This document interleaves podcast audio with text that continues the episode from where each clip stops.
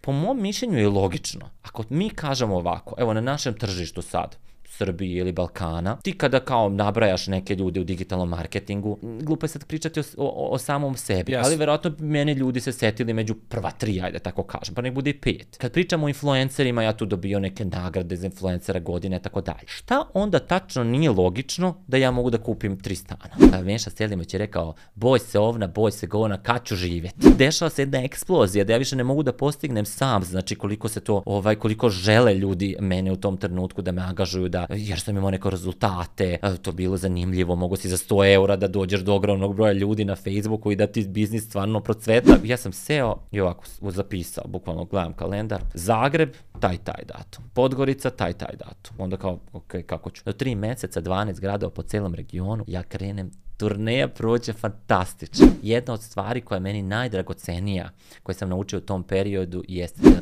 Dobrodošli u još jednu epizodu Spotlight podcasta. Već poznati ambijent, nalazimo se u Beogradu, u studiju ekipe podcast.rs. Ako ste pojedinac ili firma i želite da snimite svoj prvi podcast, javite se ovoj ekipi. Moj današnji gost je Milan Maglov. On je stručnjak za digitalni marketing na društvenim mrežama i influencer.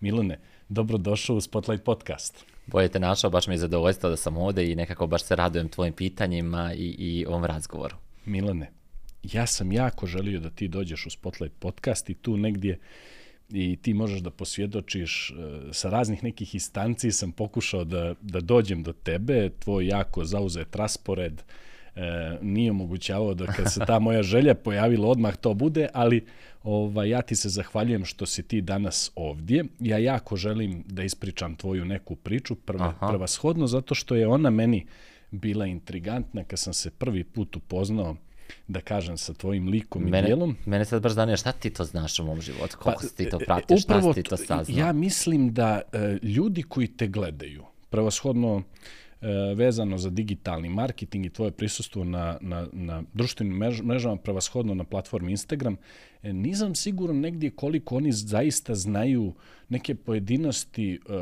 iz tog ličnog života, opet to ćeš da ti procjeniš koliko želiš da podijeliš, koliko ne i zaista ono što je tvoj profesionalni dio i da te malo upoznaju. Uh -huh. Reci mi ovako, um, šta je neka generalna odrednica? Ja sam tebe nekako doživljavao da si ti neki, da mi ne zamiriš na observaciji, jedna vrsta outsidera na ovom nekom tržištu. Reci mi, jesam ja to dobro shvatio, kakva je ta uloga outsidera i kako si ti do, dospio danas ovdje gdje jesi?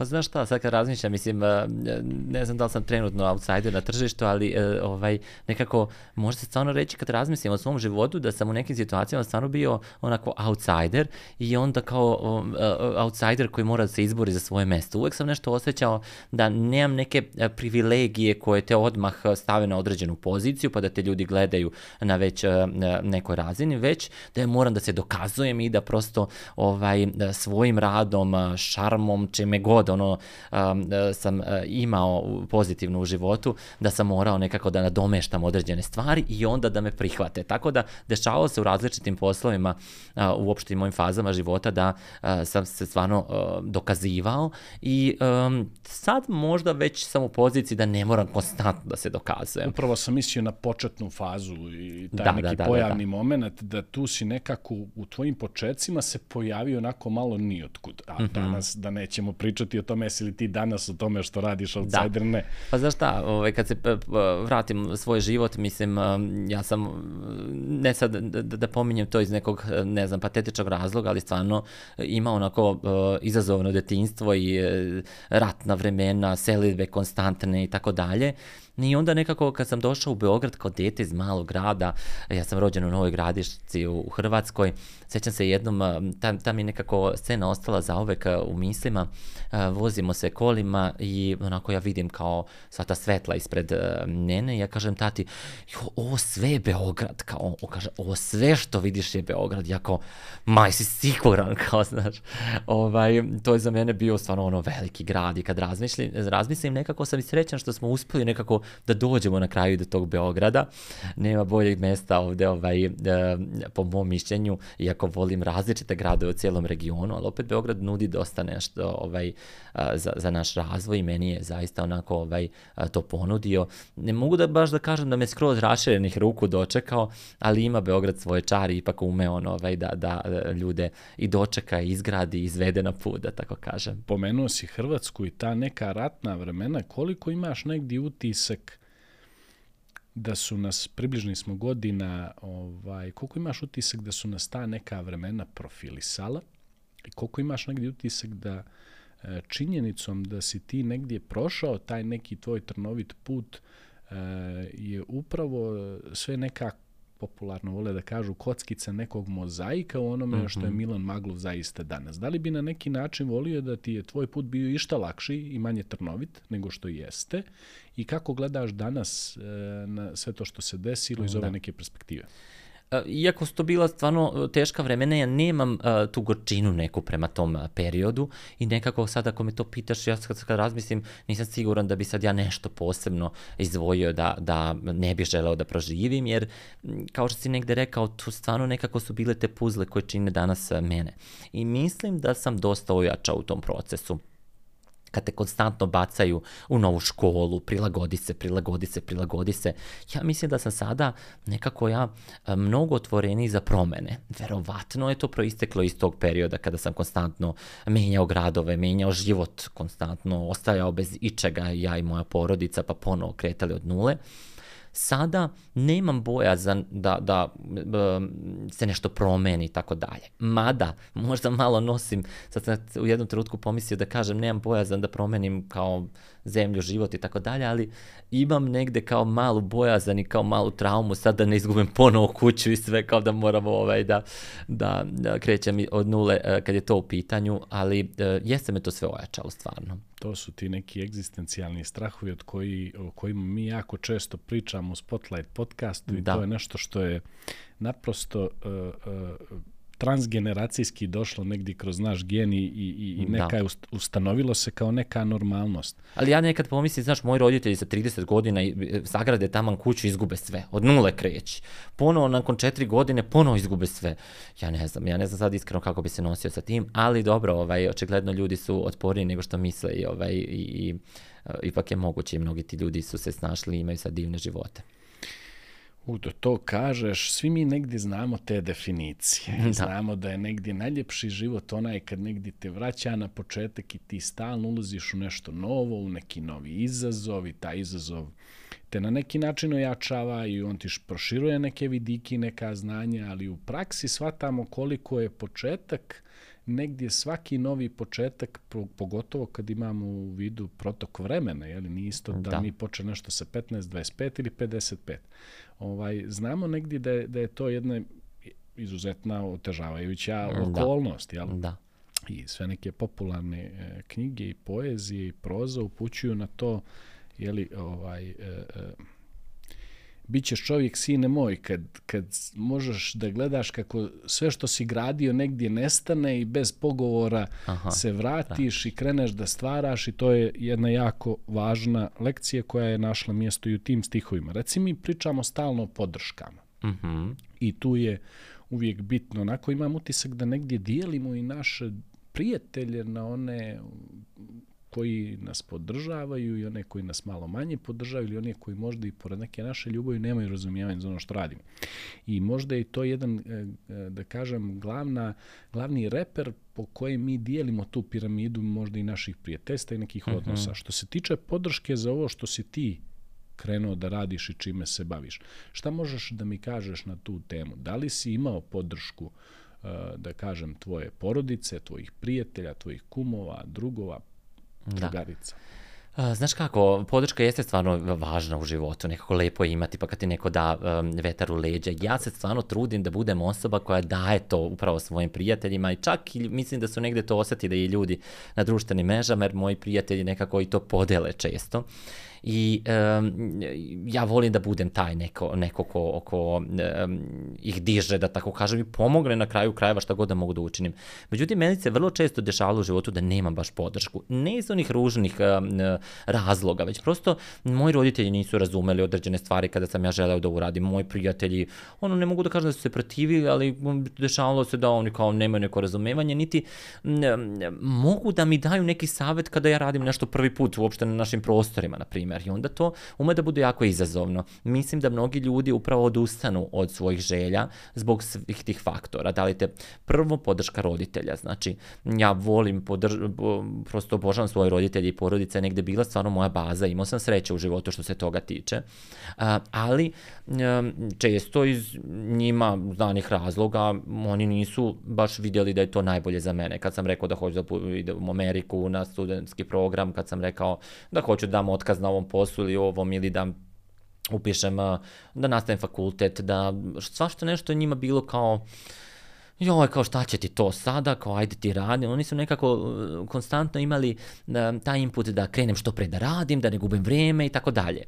Uh, I ja im ne zameram na tome, naravno, negde je to i mene ovaj, učinilo da, da takvim da, da stvarno um, se borim i da radim i da ne budem neki džabolebaraš, da tako kažem, ali sam ja stvarno nekako skupljao snagu i, i, i neku unutrašnju da kažem, ok, vi niste za to, ali mene baš briga, ja to želim i ja ću to da uradim.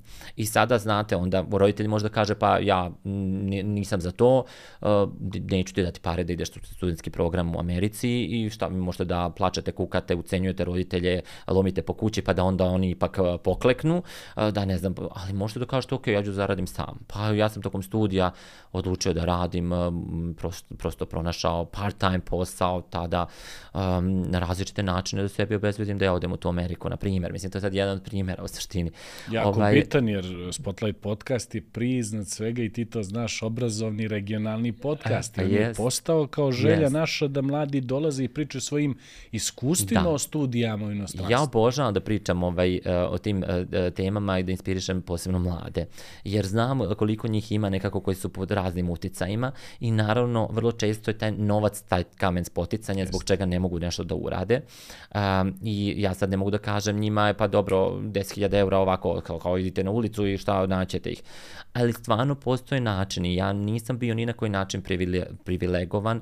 Pomenuli smo to uh, outsider, ali uh, prosto nisam imao veze u Beogradu. Znate, moji roditelji potpuno nešto drugo rade. Nisu, um, nisu fakultetski obrazovani. Znači jednostavno oni su jedni dobri, vredni ljudi. Što je jako važna meni polazna osnova za moj život, da tako kažem. Ali sam ja ovaj, pronalazio načina uvek da se izborim za to i onda sticao ta neka fenomenalna iskustva. Kad god sam tako nešto uspeo, to mi je bio nekako novi uh, podsticaj da ja nešto mogu novo, znaš. I sada uh, u životu izazivam sebe da uradim neke nove stvari i ovaj, uh, da iz toga rastem, a i nekako da proverim svoje limite. Jasno. U odnosu na sve te stvari koje si u životu radio, uh, uh, ovo je nešto što ti jako dobro ide i tvoj neki fan base i ljudi koji te prate svakodnevno na društvenoj mreži Instagram negdje potvrđuju, ja mogu da negdje posvjedočim koliko je taj tvoj uh, ta grupa koja te prati onako veoma uh, da, prati svaki tvoj korak veoma je što bi rekli responsiv o, uh -huh. o, mhm. I komentarišu i lajkuju i učestvuju u svemu tome što ti radiš i nada se podržavaju. Možeš da mi gažeš kad si ulazi u sve to i borio se sa nekom autentičnošću, koliko si u glavi imao te neke osnovne strahove koji se pojavljuju svim mladim ljudima koji to kreću danas. Recimo, uh -huh. šta ako me neko iskopira, kako će reagovati e, konkurencija, e, svaki put kad si htio nešto da plasiraš, da li Znaš, si malo krio ili si mm, da. naprosto, ili te naprosto bila briga, bio si autentičan i da. onako što se kaže na izvolte uh, dijelio. Iz mog iskustva, onako i rada sa ljudima i sa mojim prijateljima i tako dalje, čini mi se da je najveći strah ljudi šta će reći okolina za to nešto što vi radite, pa se nadovezujemo na ovu podršku koju sam malo pre rekao. Ali, um, kako da ti kažem, ja um, um, kad pričamo o strahu, imam sad jednu rečenicu, to je, ja, ja volim, i moji pratioci je znaju, uh, Venša Selimoć je rekao, boj se ovna, boj se govna, kad ću živjeti? Mislim, I stvarno to je onako, ja kad god nešto se malo uh, onako i uplašim ili pomislim, strah je normalna stvar ali ja pomislim, ma dokle više da se nešto plašim i tako dalje. Mislim, do, davno sam ja to već ovaj, zaključio, ali pojavi se semena na vreme ponovo no. i ja se onda setim te rečenice. Kad ćeš živjeti, prođe život, prođe godine, prođeš je 20 brzo, život brzo prolazi nekako. I kao dođeš šta, okreneš se u 55. pa kao još što nisam nešto radio u 20. Uvek sam razmišljao o tome da uh, su nekako meni 20. Um, temelj za ono što, što će kasnije doći. Ja sam ubirao sve plodove onog što sam radio u 20. Znači, ubrao sam plodove u 30. Naravno, nikad nije kasno. Ok, tako. nešto se ne snađete u životu i tako dalje, pa u 30. počete, ali ajte ubirajte, ubirajte plodove onda u 40, 50. A znate, ako čekate 70. da kao se trgnete, mislim, tu je sad mnogo ograničeni prostor što sve možete da radite. Polje djelovanje. Upravo tako. Tako da, ovaj, pomenuo si konkurenciju tako to, ja sam neke stvari stvarno krenuo krenuo uh, prvi na našim prostorima. Uh, bukvalno kada je Facebook bio um, jako aktuelan, ja sam napravio stranicu koja se zove Dnevna doza kreativnosti, pa sam tamo svašta nešto delio, pa se kasnije pojavilo stotine nekih dnevna doza nečega, dnevna doza Zorica Marković vaza. Ovaj, tako da, um, znaš, ja nisam tu imao kao, jao, evo, kopiraju me, znaš, idemo onda šta je sledeće što mogu da uradim. Uopšte nisam opterećen konkurencijom ili tim nekim rivalitetom. Mislim da to dosta onako nas truje, da, ako mogu tako da se uh, izrazim i uopšte nemam uh, problematiku sa bilo kim drugim ko radi nešto slično uh, kao ja. Ima stvarno fenomenalnih kolega, ja mogu da kažem neko my cup of tea, ono što bi englezi rekli da bi se ja družio s njim, ali s druge strane ja uopšte ne poričem uspeh određen neke osobe. Tako da, što se toga tiče, ja sam baš opušten nekako. I mislim da mnogi ljudi upadaju u zamku toga da um, se mnogo tu nešto nerviraju, da prave neku telenovelu od života, jer je njima neko ukrao ideju, tako dalje. Mislim, mislim, ono, redko šta smo mi prvi smislili, ovaj, um, kasnije, mislim, posle te dnevne doze kreativnosti, ja sam među prvima napravio edukacije vezano za, za tu tematiku, pa prosto sad ih ima dosta, mislim, nekad se desi da neko uradi nešto pre mene, što sam ja imao u glavi, ali ok, tu negde onda ja možda odustanem ili malo, malo to ovaj, nekako preformulišem, ali nemam problematiku stvarno sa svim ljudima koji se ne bave sličnim poslom, zapravo imam vrlo poštovanje uh, ka svakom ko radi nešto i trudi se. To je nekako moj stav vezano uopšteno za um, uspeh drugih ljudi, da tako kažem. Šta je ono što vrlo često si doživljavao kao neku povratnu informaciju od ljudi koji te prate i da kažem mm -hmm. i mhm. tvojih prijatelja, aj pomenuli smo porodicu i okej, okay, ne možemo da očekujemo da oni potpuno razumiju zato što postoji taj generacijski jaz u kome oni eventualno nijesu uspjeli da se uh, na neki način obshrbe svim neophodnim znanjima da bi možda mogli da vide dalekosežnost neke vizije. I to je okej. Okay. Da. Kao što mi danas, recimo ja sa 40 godina, ne mogu baš da pokupim ono što je aktuelno generacija 20 sa lakoćom koja to ona radi, da. to je prirodan proces. Ali šta se dešava sa ovim ljudima koji su tvoje okolini, tvoje godište, koji naprosto konstantno kao pečurke na kiši negdje iskaču i pričaju ti da to što ti radiš, odnosno pričali su jer si ti sad dokazao da to što mhm. ti radiš je i tekako uh, na mjestu uh, i donosi rezultat koji si od njega očekivao. Uh, koji su to bili znakovi pored puta? Znaš, ono... Znaš kako, ja nisam... Možeš li ti da živiš od toga? Mm -hmm. Kad ćeš početi da živiš od toga? Da. Znaš, konstantno da. je neka, konstantno je neki negativni moment koji bi trebao da te odvuče i koji najčešće, to si sam rekao, u određenim početnim fazima i do godine dana učini da većina ljudi odustane. Jeste. E sad moram ti tu reći jednu stvar, ja sam specifičan što se toga tiče i zaista podržavam ljude da budu uporni, da daju vremena određenim projektima, ali ja nisam baš toliko strpljiva osoba.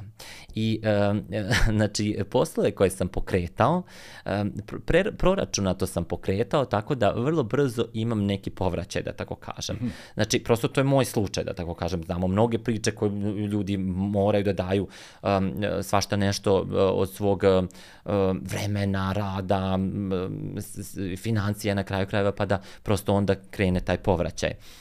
Meni se kada govorimo o društvenim mrežama, tu sam zaista imao slučaj da, na primjer, nekoliko godina ja sam na Instagramu snimao da nisam ništa očekivao, da nisam ni razmišljao o nekom influencerskom poslu i to ni nije bilo um, toliko aktuelno kada sam ja krenuo. Samo sam ja krenuo nekako, um, ne znam, instinktivno da, da, da snimam te storije i to kad je krenulo, onako ja sam to iskoristio uh, maksimalno da se ljudi vežu za mene i slično. Tada nisam baš ja imao ideju, jao, ja bi sad od toga da zarađujem ili kao mene će svi da angažuju. Opet sam se malkice osjećao kao neki outsider i kao neko, znaš, to je ipak ženska, tu dosta bilo tada u tom trenutku kao blogerki i slično, ok, i oni su nešto tu zarađivali, koji će, kao ja sam nešto razmišljao, tad, gde će sad ja Milan Maglov nešto da zarađujem, da mene brendovi angažuju nekako. I onda sam razmišljao, ok, ja sam malo, tako malo, um, to moje zabavno karaktera, da li će to klijenti um, nekako shvatiti kao ozbiljno i tako dalje. I zapravo se do duše nisam ni opterećivao to, tim da li ću ja sad tu nešto moći da zarađujem ili slično.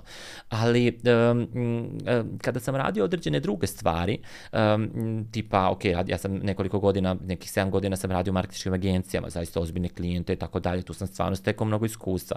Ali u jednom trenutku kad sam rekao, ok, ja sad dajem otkaz i stvarno više ne mogu da, da budem ono, da mi neki direktor naređuje šta ću da radim, ja ću da se osamostalim ostalim, tu, um, iako sam imao strah, ali vrlo brzo sam ja um, nekako dolazio do novih klijenata konstantno, posebno društvene mreže. U pravim momentima sam se nekada u životu odlučio da uradim nešto, na primjer upravo to, da dam otkaz i da krenem da se bavim društvenim mrežama za biznise. Niko u Beogradu tada ono ne znaš kao koga da angažuješ. Imaš najrazličitije biznise, u agencijama još uvek nisu osnovali odeljenje za digitalni marketing ili uopšte taj digital. Ja jednostavno sam um, bio uh, freelancer koji kao tu nešto radi i kao zna. I ja sam učio, ali opet imao sam znanje iz marketinga, interesovao sam jako društvene mreže i to se nekako spojilo. I zapravo ja kad sam dao otkaz, meni odmah to krenulo. Znaš, kako je, šta je čudno, sad malo prekidam samog sebe. Ali nekada razmišljam, Janko, znaš ono ljudi kad govore, kao ne više puta sam u životu pao, kao da moraš da padneš da bi se uzdigao i tako dalje. To logično zvuči, stvarno. Ali ja razmišljam, ja preispitujem sebe, pa dobro, kad si ti to pao? Kad si ti pao kao? Ja nešto nemam, nemam taj, nemam taj moment kad sam padao, kad sam bio ono na nuli, na minusu, ovo ono. Imao sam nekad moment, jedno par meseci, nešto da sam ulazio u minus na kartici, ovo ono, kad sam bio u 20. šta znam. Ali stvarno, vraćam se na to, odmah su krenuli klijenti, odmah su krenule preporuke, da li je to srećna zvezda, da li je to uh, moj rad koji sam u pravom momentu preusmerio na to, šta je, ja ne znam. Uh, mislim, sve to zajedno, upravo svega, tako, da. sve to zajedno. Ali, dešava se jedna eksplozija, da ja više ne mogu da postignem sam, znači koliko se to, ovaj, koliko žele ljudi mene u tom trenutku da me angažuju, da, jer sam imao neko rezultate, to bilo zanimljivo, mogu si za 100 eura da dođeš do ogromnog broja ljudi na Facebooku i da ti biznis stvarno procveta, čak i ako je hobi, ako nemaš ono prodavnice ili nešto slično. Tako da to je da, bila faza mog života, pa se onda nadovezalo na, na to da napravim svoj tim, agenciju, pa se nadovezalo na to da prosto napravim edukaciju u celom regionu, znaš. Ali ja sam neke stvari radio instinktivno onako i razmišljao, znaš, u jednom trenutku, mogu bi ja da napravim neki kurs kao, pa da naučim ljudi, jer niko ne zna ništa o tom digitalnom marketingu, ako imaš, lupam, restoran, ne znaš kako da ga reklamiraš, a nemaš baš novca ili ne znam, što, koji god biznis, nemaš baš novca da angažuješ nekoga. I ja odlučim da, ako napravim neki, neki program za to, ok, krenem u Beogradu, prijavi se 10 ljudi za prvi kurs, ja presrećan, kao super, krećemo. Od neke baze koja je bila u tom momentu koliko, možeš se sjetiti? Pa ja sad ne znam, evo ne da. znam uopšte niti koliko sam imao pratilaca, ni ništa, to je bilo, ja ne, ne znam, 2014. možda tako nešto. Ok, a uglavnom imao si ih 10 na početnom kursu. 10 i zanimljivo da neki sad poznati influenceri su tad bili na prvom tom mom kursu i prijatelji smo postali. Bukvalno jako čudno ta prva grupa bila, znam i dalje pola grupe. Uglavnom ja kao krenem, ok, kao 10 ljudi, ok, mogu sam da budem zadovoljan, mogu sam da budem kao ok, mogu sam možda nezadovoljan. Ja par kurseva još napravim u Beogradu i ja pomislim, ja bi sad mogu na turneju Ali kao, ja sad kad se vratim, kad razmišljam o tome, otkud meni ideja sad ja da idem u 12 gradova u regionu, razumeš? Nisam ja, niti sam imao toliko, znaš, kao pratilaca, niti sam imao toliko samopouzdanje i tako dalje, ali ja sam video da to radi na uzorku Beograda i ja sam video negde sam znao da ja radim različitim biznisima dobar posao u smislu promocije, a i sad ispromoviši sebe, odnosno svoj kurs. Tako je. Tako sam se uvek nekako vodio, ok, ako znaš kao tvrdiš da znaš drugima da prodaš neki proizvod, prodaj svoj kurs. I ja sam naprav, ja sam seo I ovako zapisao, bukvalno gledam kalendar, Zagreb, taj, taj datum, Podgorica, taj, taj datum. Onda kao, ok, kako ću? Do tri meseca, 12 gradova po celom regionu, ja krenem turneja prođe fantastično.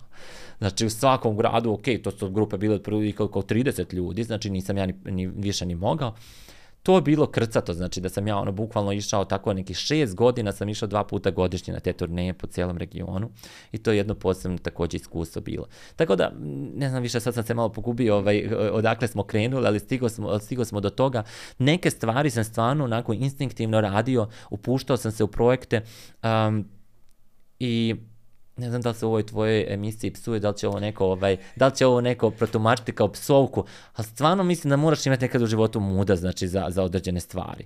Jer ono, čekaš, čekaš, nikad ne možeš, nikad svega se nešto plašiš, pa dokle više. Da, petlja, da petlja je jako bitna. Eto, petlja je tvoja bolja reč. ovaj, reci mi, e, s obzirom na to da svakako u ovoj opisanoj priči ovaj, vidimo da se apsolutno ništa ne dešava slučajno, kada si ti negdje bio si jako fokusiran na razvoj sobstvenog biznisa, kada si vidio da taj biznis već polako počinje ono što oni vole da kažu pick up, da, da negdje on uzima maha uh -huh. i da mhm. tu već dolazi jedna ozbiljna kritična grupa masa ljudi koji se javljaju i oni neophodno sa sobom donose i, i jeli, e, finansijski moment, promet, profit, da. kako god. Kada si, posle kolikog vremena si osjetio da to već počinje da dobija e, tu neku konturu? Uh -huh. Pa dobro pitanje, znaš kako, ja kad sam dao otkaz u, u agenciji poslednjoj u kojoj sam radio, počeo sam sam da radim i onda kao meni bilo wow, ja kao ne moram da idem na posao 9 e, do 5, radim 2-3 klijenta, super godinu dana posle toga ja sam vodim 16 klijenata i više ne mogu ni da krijem direktora što sam se pretrpao već samog sebe. I taj moment mi je bio um, izazovan, moram priznati, jer, znaš kako, svašta sam ja nešto učio na fakultetu, svašta sam ja nešto prolazio kroz te agencije, ali da se desi taj moment uh, uh, iz ovog ugla sada razmišljam da mi je zapravo možda da, trebao neki mentor, ali tad to nisam prepoznao očigledno i sam sam se borio sa tim kako ja sada da napravim sledeću fazu, da tako kažem. Jer u tom trenutku sam mislio, ma niko ne može bolje od mene. Nisam znao da delegiram. Jedna od stvari koja je meni najdragocenija, koje sam naučio u tom periodu, jeste delegiranje. Znači, prosto zaduženja, čega god, znači, odnosno prebacivanje određenog dela posla sa sebe. Um, znači, tu, da li je to bio ego, šta god da je to bilo, ali ja sam mislio da to ne može niko raditi kao ja, klijenti su predavali posao meni e, i ja sam se tu već malo gubio, znači ok, tad sam imao nešto cilj, nešto ja kao hoću da kupim nekretninu, ovo ono i onda sam nekako preopteretio se stvarno bio poslom i od tog momenta da mi je lagano i super, kao ja sam izašao iz agencije, zarađujem fino i imam vremena koliko hoću, onda sam sedeo po 14 sati ovaj, za laptopom, fotkao, nosio svašta nešto, znači po gradu, sve sam ja radim, multipraktik. E onda je došao moment kada sam ja zapravo prebacio nešto u glavi i zaposlio ljude a, koji su mi pomagali i moj princip je bio da ih ja mentorišem na način da rade što sličnije meni. Da se ne plašim da će otići i to isto ovaj, e, čini mi se boja za mnogih ljudi, ja ću dati znanje da ćeš otići, ja se uopšte toga nisam plašio, bio sam fazonu, ok, radi mi bar nekoliko meseci, ja ću ovaj, biti zadovoljan, ja ću te dati znanje, nema veze. I stvarno sam imao fenomenalna iskustva zapravo ovaj, i dan danas sam bukvalno u kontaktu s tim ljudima, iako sad više taj deo sam smanjio, moram priznati, kada je agencijski taj posao u pitanju, ali sam bukvalno imao osjećaj kao da sam izveo na put neke ljude koji su kasnije otvorili svoje agencije, ja sam ih sve naučio pa su oni otvorili svoje agencije, neki se bavim influencerskim poslom i tako dalje. Tako da, u svim tim fazama koje sam sad pomenuo, negde u tom trenutku uh, kada počinje korona, zapravo uh, se desilo da sam se ja malo više okrenuo, odnosno počeo da prihvatam um, ponude različitih brendova da malo radim više i na Instagramu taj influencerski posao. U, u nekom periodu sam to odbijao i nekako nisam želeo ovaj, to da radim, ali samo sam se u pitanju u jednom trenutku sam se zapitao što da ne. I ovaj, I onda je tako krenuo i taj, taj deo moje karijere, ako mogu tako da se izradim u suštini, ovaj, jer svih tih godina ja sam bio aktivan na društvenim mrežama, u pravom momentu sam opet eh, prešao na Instagram, uh, izgradio tu bazu ljudi koji mi veruju, sa kojima sam povezan, pomenuo se ih i u jednom trenutku, mene prate fenomenalni ljudi, Janko. Ja konstantno razmišljam o tome, koja... ja konstantno razmišljam o tome, to je takva podrška, to je meni kao neka proširena porodica, stvarno, ali možda patetično može da zvuči, ali ja stvarno njih gledam tako. I um, posebno sam to nekako osvestio uh, kada sam počeo da više obraćam pažnju na ljude koji mi se javljaju na ulici, na primjer, ili bilo gde da sam ono koji su moji pratioci. I onda, posebno evo poslednjih godinu dana, mogu ti reći, kad je to nekako malo više iz, i, i, um, zahvatilo maha, ako se tako kaže, u svakom slučaju, uzelo maha, da, u svakom slučaju, znaš, ja tako analiziram pomalo ljude koji mi prilaze i shvatam koliko su fenomenalni, ono, ja bi se družio s tim ljudima, da mogu se, ono, ne mogu sa svima. Da, mogu da se kloniram. Bukvalno. I to je posebna draža i nekako i oni to valjda osjećaju i ja, ovaj, tako da eto, to, to, to je ta posebna jedna zajednica i deo mog života do ko, koji, koji sada nekako dosta važan. Evo, pomenuo si tu, dok si to pričao, tu neku našu želju da, da dosegnemo određene ciljeve u životu i tu se pojavila ta priča o tvojoj želji da što prije dođeš do, do, do, do, do svoga stana, I ovaj, negdje se vraćam na onu čuvenu priču uh, koja se negdje pojavila i istrgla iz konteksta oko ona tri stana uh, vezana za, za Milana Maglova. Ali meni je više interesantno tu kako si ti zaista onako laserski precizno, ja bih ovako sebi dozvolio observaciju kroz uh, i svoje neke vizure, prošao kroz onu uh, uh, uh, knjigu Rich Dad Poor, uh, Rich Dad Poor Dad Roberta Kiyosaki i tako si kroz onaj kvadrant fino se provozao od, ne, od momenta gdje si prodavao svoje vrijeme za novac u toj mm -hmm. agenciji do momenta gdje si krenuo da radiš lični brend, a onda kroz i pasivni prihod. Možeš da mi kažeš negdje e, kada si e, e, već polako počeo da gledaš i razmatraš neke investicije i šta je u stvari priča oko ova tri stana? Molim te objasni i mene živo interesuje. Znaš kako, kod nas čini mi se postoji dosta ljudi koji su onako steknu određenu popularnost, ljudi ih vide na TV-u, gde god, znači na društvenim mrežama, tu se otvaraju neki šampanci i tako dalje, ali u pozadini zapravo situacija je takva da oni možda odnosno vrlo često uopšte ne žive uh, neki uh, high life život i tako dalje. I onda se nekako desi uh, da određeni ljudi prosto koji takođe kao eto su se izdvojili i slično, znači kako da se izrazim pravilno, ali prosto umeju da sačuvaju novac i da ga ulože. Po mom mišljenju je logično. Ako mi kažemo ovako, evo na našem tržištu sad, Srbiji ili Balkana, ti kada kao nabrajaš neke ljude u digitalnom marketingu, glupo je sad pričati o, o, o samom sebi, yes. ali verovatno mene ljudi se setili među prva tri, ajde tako kažem, pa nek bude i pet. Kad pričamo o influencerima, ja tu dobio neke nagrade za influencera godine, tako dalje. Šta onda tačno nije logično da ja mogu da kupim tri stana?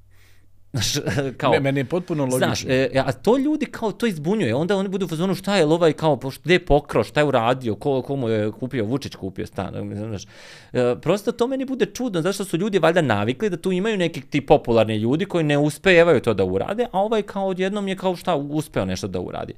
Nemam ja ni potrebu da se pravdam nešto, ali e, palo mi na pamet to da nekako zar ne bi bilo logično, neko ko je najuspešniji pevač, neko ko je najuspešniji glumac, neko ko je najuspešniji, daj Bože da može da se kaže i um, um, doktor i tako dalje da može da kupi određene te stvari. Ali ovo je jedno zanimanje koje je trenutno vrlo aktuelno i sve te različite, da tako kažem, faze koje, koje ovaj, sam ja prošao. Tako da meni potpuno logično da sam ja to mogao da uradim i da ovaj, ali e, s druge strane stvarno se nisam e, da tako kažem. Meni je e, možda to što smo gubili ovaj dom više puta u životu ovaj, naprasno zbog bukvalno tih uh, ratova i svega. Znaš, nama se dva puta u životu desilo da bukvalno nam kažu, evo, sad izlazite iz kuće i to je to, pokupite osnovne stvari i nikad se više ne vratiš. Tako je. Možda odatle moja potreba da ja se skućavam sve više, znaš, i onda ja sad kao imam osjećaj, e pa dobro, sad sam kupio te nekretnine, sad ako se nešto strašno desi da ja ne mogu da radim, kao ja bimo do penziju, lupam. Ne znam, ovaj, ali u svakom slučaju, um, ja, meni je važan dom, važno mi je da se tu neko, neko nekom slučaju obezbeđen. E, nisam neko ko, e, ne znam, bi kupio kola od 100.000 eura, ovaj, a ja bi pre kupio stan, eto, prosto takav sam. Znači, ima ljudi koji kupuju Rolexe, satove, skupe i tako dalje. Ja ne znam, ja sam onda, znaš, e, nekad me zezaju prijatelji, pošto ovaj, kažu da je od pevača Vesna Zmijanac, kad je bila ono top popularnosti, ona kupala stanove. Evo, ja kažem, ja sam onda Vesna Zmijanac među influencerima. Ali, um, um, jednom trenutku sam to pomenuo, ne zašto imam neki, neki kao razlog nešto da se hvale, nego prosto da mislim da um, i neki mladi ljudi, ali ne samo mladi ljudi, mislim da je stvarno dobra poruka da nešto može da se uradi u Srbiji, znaš, i, i na taj način. Ok, neko stvarno mora da otplaćuje stan uh, 30 godina i tako dalje, stvarno ima tu različiti slučaj. Ja, da mo, ja, ja bih volio da svi mogu da, da uzmu ovako stanove koje ja stvarno, eto, to im želim.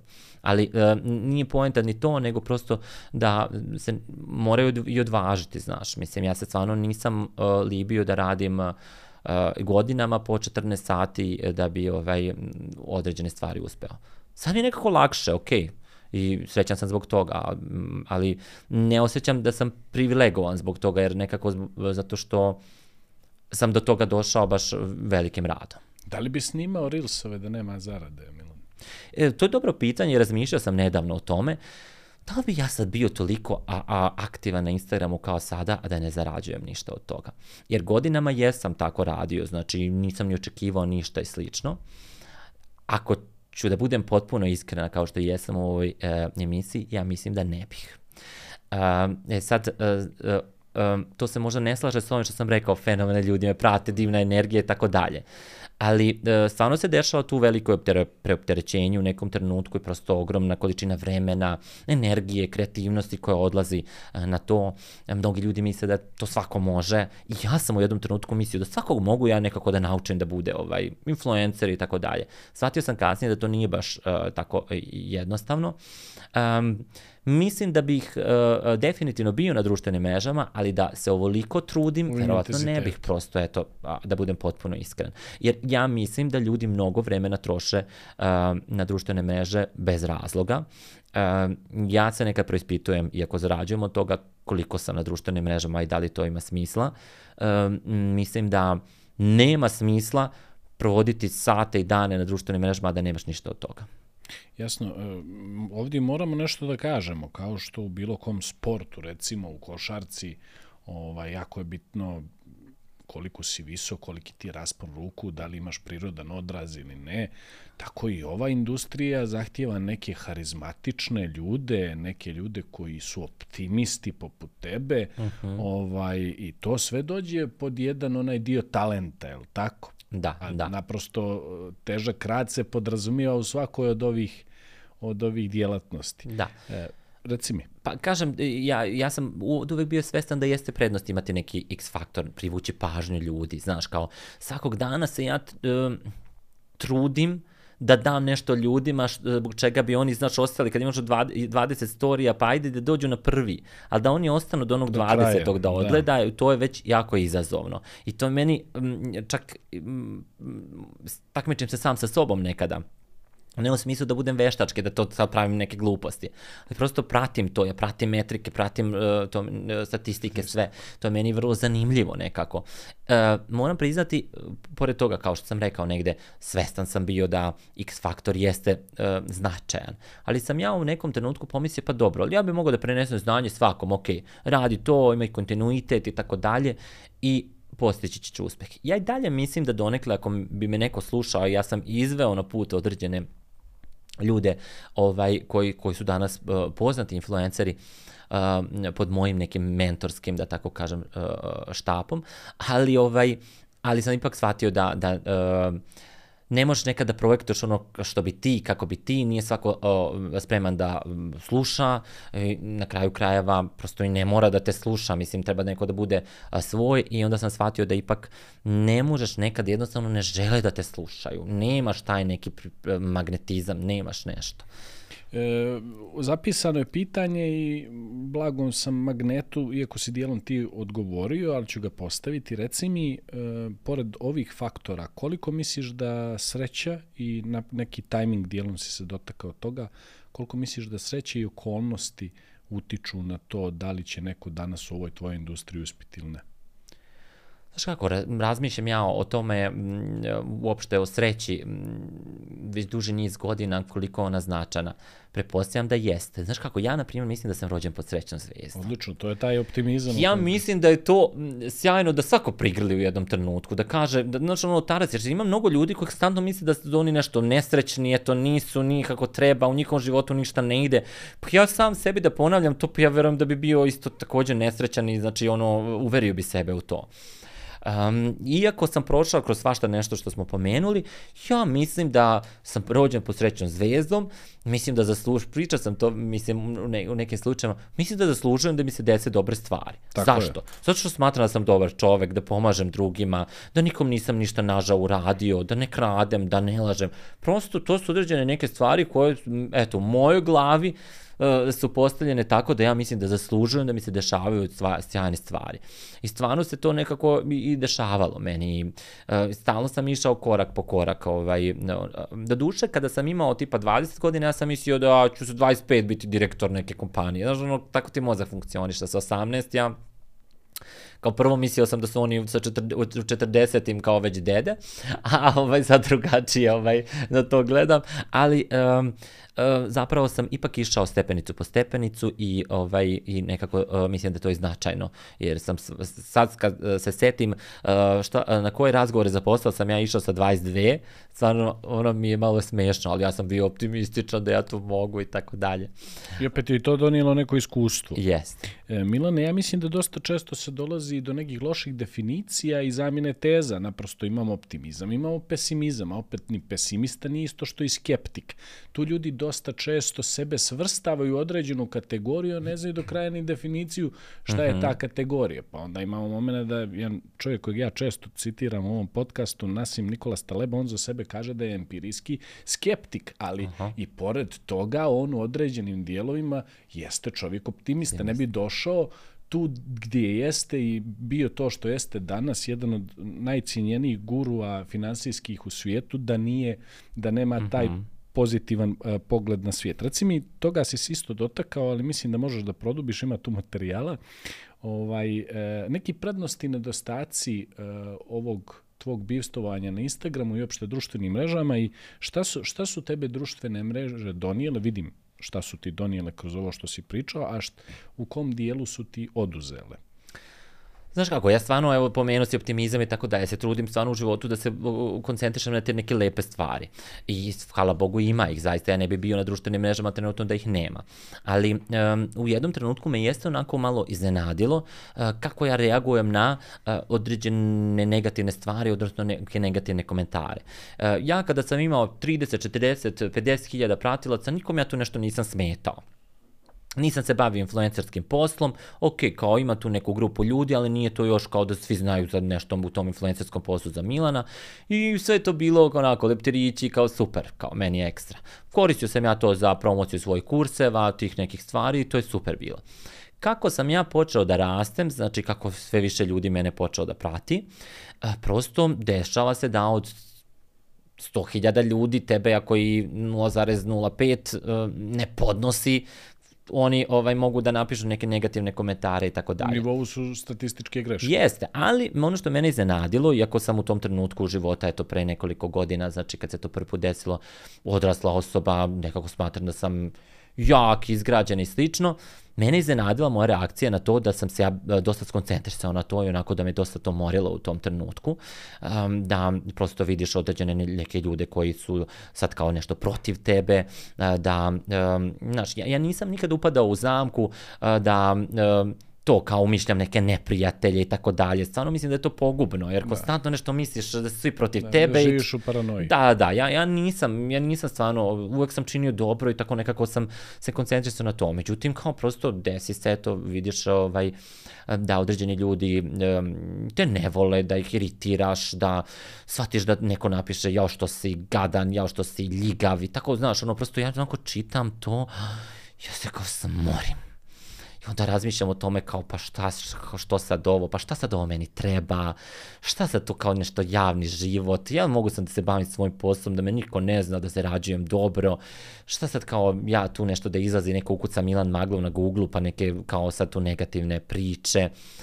Ovaj, um, um, I moram ti priznati, u jednom trenutku ja pomislim, ma ja ću sad do kraja godine da izdržim, to ja mislim da bilo to 2021 do, 20, do decembra, 31. decembra, ja kad dam sebi, 31. decembra 21.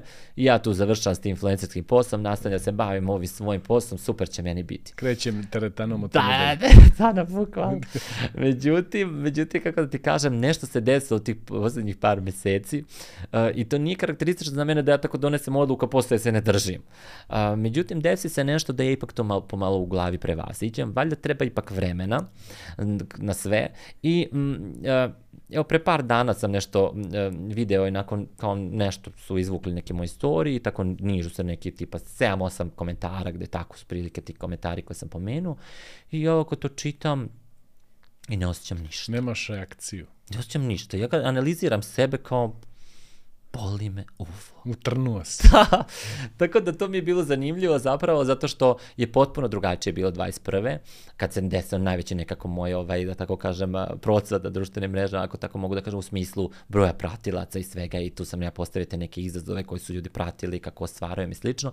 Ovaj, e, tad me to jako ne brinulo, sad me manje brine, ali ne mogu da kažem da me uopšte ne brine. Ipak nisam siguran e, više ni dalje to normalno, ali valjda je normalno negde brinuti o svojoj reputaciji ili šta god, pro, ne znam, ne znam, evo, još tu nisam skroz definisao, ali ovaj, dosta manje me to brine, shvatio sam da svakog čuda za tri dana dosta i tu ono, nešto što misliš kao evo sad će svi zauvek nešto zapamtiti negativno ovaj, šta si uradio, a pritom nisi nešto ni uradio negativno po tvojim standardima, ovaj, e, da će te proganjati do kraja života, onda shvatiš nakon mjesec dana da se više niko toga ni ne seća. Tako da sve se to vrti i um, prihvatio sam donekle, ok Milane, hoćeš benefite ovoga, koji nisu mali, onda prihvatite neke stvari koje baš nisu divne, ali kao nosi se s tim. To je cijena koju moraš da platiš. Da, ne mogu da kažem da sam 100% sad kao ja, ja sam beton trenutno, ali e, dosta sam dobro što se toga tiče, tako da nemam sad to razmišljanje kao evo ja bi prekinuo zbog toga što je nešto negativno i slično. Ako mi nekad dođe, ja ću se ovaj povući, ali za sad sam u fazonu go with the flow. I vrlo često sam razmišljao, ok, Milane, pa iskoristi sa tih pet minuta. A onda sam tih pet minuta, moram priznati, produžilo malo i ok, evo koliko god da traje, ja ću ovaj koristiti. Bravo. Molim te ovako pred sam kraj imam neka još dva pitanja u glavi. Ovaj, prvo bi bilo šta bi Milan Maglov danas poručio mladim ljudima ili svim onima e, ljudima koji žele da se upuste u e, digitalni marketing, naprosto na bilo koji način da predoče sebe ili neki svoj proizvod E, na društvenim mrežama, pa recimo sad imaš mlade ljude koji bi postali novi fitness treneri, neko ko bi se bavio kuvanjem, e, neko radi nokte pa će malo se promoviše na Instagramu, toga svega ima previše, neko će da krene svoj novi podcast, jeli, ali u dijelu da promoviše sobstveni biznis, gradi lični brand ili nešto treće, šta bi im ti rekao danas ovako na osnovu tvog uh, značajnog iskustva, šta bih posavjetovao? Pa prva stvar je krenite. Znači, ne samo za digitalni marketing, ono za bilo čim. Znači, ljudi konstantno gube mnogo vremena uh, na ideju, um, to nešto tri godine premišljaju u glavi, nikako da krenu. Ne mora sve biti savršeno, krenite. Ja sam vrlo često, um, evo, i pomenuo sam neke primere, kretao vrlo brzo. Znači, idemo, ok, to razvijate usput i tako dalje, trudite se, ali um, krenite čak ako niste sigurni. Zašto? Zato što vrlo često kad krenete sa nečim, shvatite da to zapravo nije za vas. I to je fenomenalno. Shvatili ste na vreme, ne gubili četiri godine razmišljajući o tome da biste onda došli do toga da to nije za vas. Kreneš, shvatiš to nije za mene, preorijentiš se na nešto drugo. Kreneš, shvatiš to jeste za tebe, super, onda radiš na tome da se poboljšaš, da, da, da, da to digneš na neki novi nivo i tako dalje. Znači, tako da, uh, uh, kad je digitalni marketing u pitanju, uh, i dalje pravo vreme. Znači nisu zakasnili i dalje se traže konstantno kadrovi um, kada je to u pitanju uh, posebno um, kada govorimo o agencijama i tako dalje. Znači uh, tu imate različite neki nivoje da budete account asistent pa vidjet, vidjet ćete znači neki menadžer kasnije i tako dalje. Copywriter, imate tu različitih stvari. Kad govorimo o influencerima, I tu ima prostora i dalje, mada to nije toliko jednostavno da sad vi odjednom postanete veliki influencer, znači trenutno ima ih, vapi tržište za novima, ali ono što, ako govorimo o toj temi, bih ja rekao, uh, ukoliko vam je da zaradite, um, ja mislim da ne treba ljudi da kreću sa tim kao ja želim da zaradim, evo postaću influencer, vidiš kako oni dobijaju posao, znači te, brendove i tako dalje, ja bi to mogu za šest meseci i tako dalje. Prosto ne ide to tako brzo. Nekad se i desi, jer ovo zanimanje u kojem možete i za godinu dana već zarađivati vrlo lepo. Ali um, ti si pomenuo to uh, food blogeri, um, travel blogeri. Dosta, uh, čini mi se, ljudi sad se, ja bih rekao, usudio se da kažem zamajava, jo kako je strava biti travel bloger i tako dalje. Mnogo tu stvari ne vide oni. Travel bloger je prenaporno biti, znači um, jedno je da vi volite da putujete i kao ja ovo ekstra je. Drugo je vi odete, ja, sam, ja, ja imam među prijateljima travel blogere, divne ljude, ali ja nikad ne bi mogu da budem travel bloger, do duše, znaš, možda stvarno ako neko za to strava, ali ti da odeš na putovanje, konstantno razmišljaš o kreiranju sadržaja, konstantno razmišljaš o trživanju, konstantno razmišljaš kako ćeš da napraviš fotografiju, video, reel, znači to je uh, uh, da ti glava eksplodira, Ogroman znači pritis. nemaš uopšte toliko uživanja znači na tim putovanjima. Naravno ima ljudi koji kasnije umeju to da izmiksu, da tako kažem, dobro i dobro se nose s tim, ali zaista to su redki, ja mislim.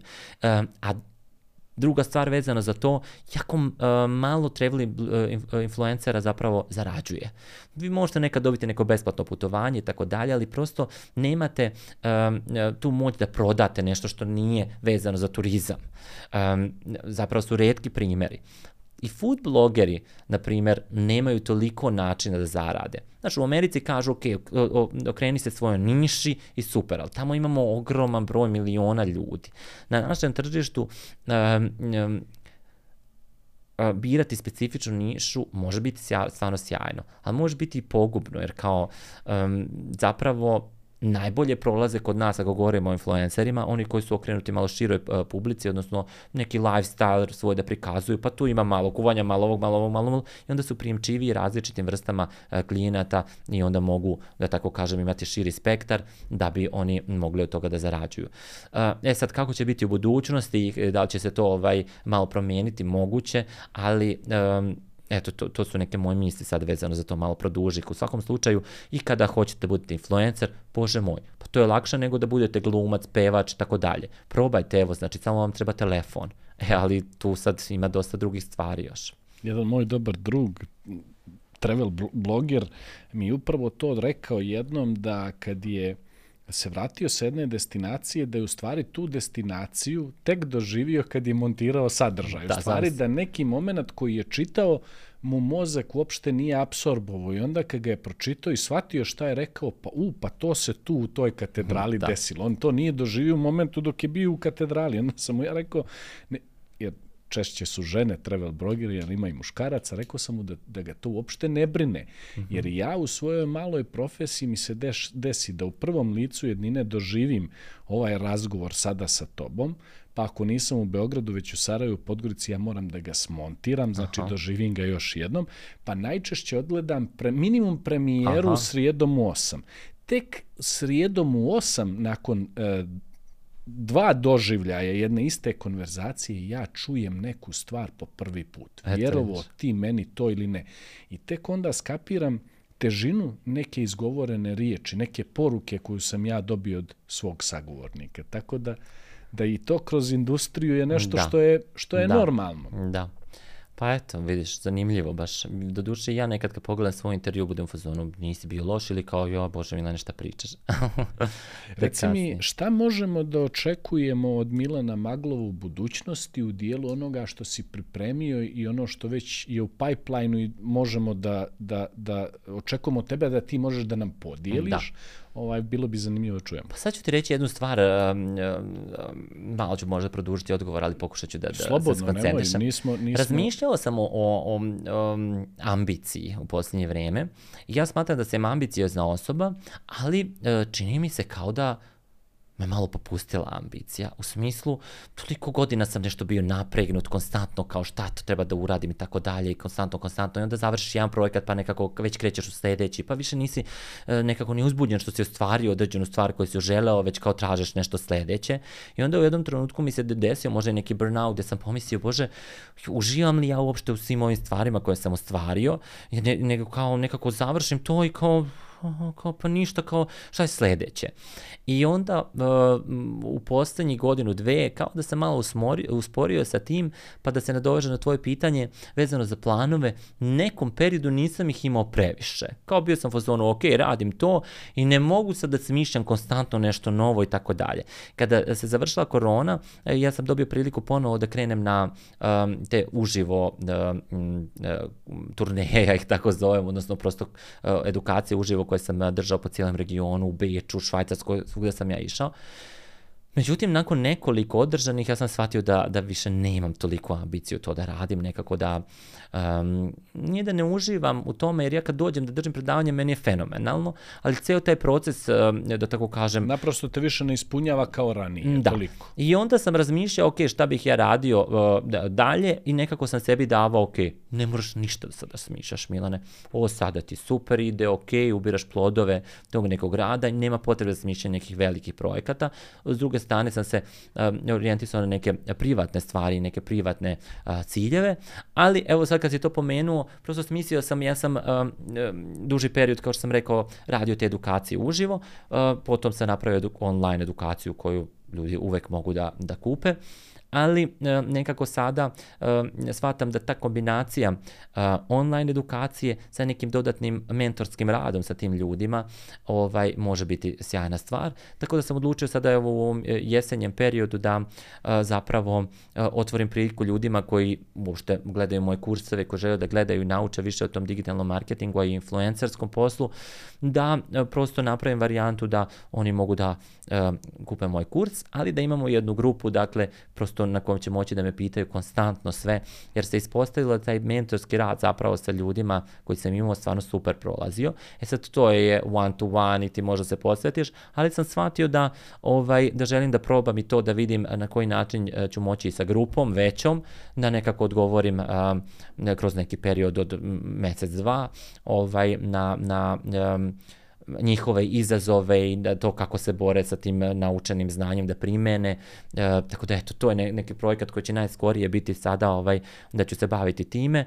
A za sledeću godinu, pravo da ti kažem, ja ništa smislio nisam. Planiraš jako mi je da uživaš u plodovima do sada? Upravo rada. tako, nadam se ovaj, nekim eh, eh, privatnim lepim stvarima i što se tiče posla nisam opterećen, moram, moram, moram, nego nekako sam više sad usmjereniji da malo uživam i da ovaj, onako uživam u plodovima, da tako kažem. Milane, puno ti hvala na gostovanju u Spotlight podcastu i u tvojoj želji da sa ovim mojim auditorijumom, našim auditorijumom podijeliš na neki način ne, sve ono što se dešava u tom privatnom i poslovnom životu.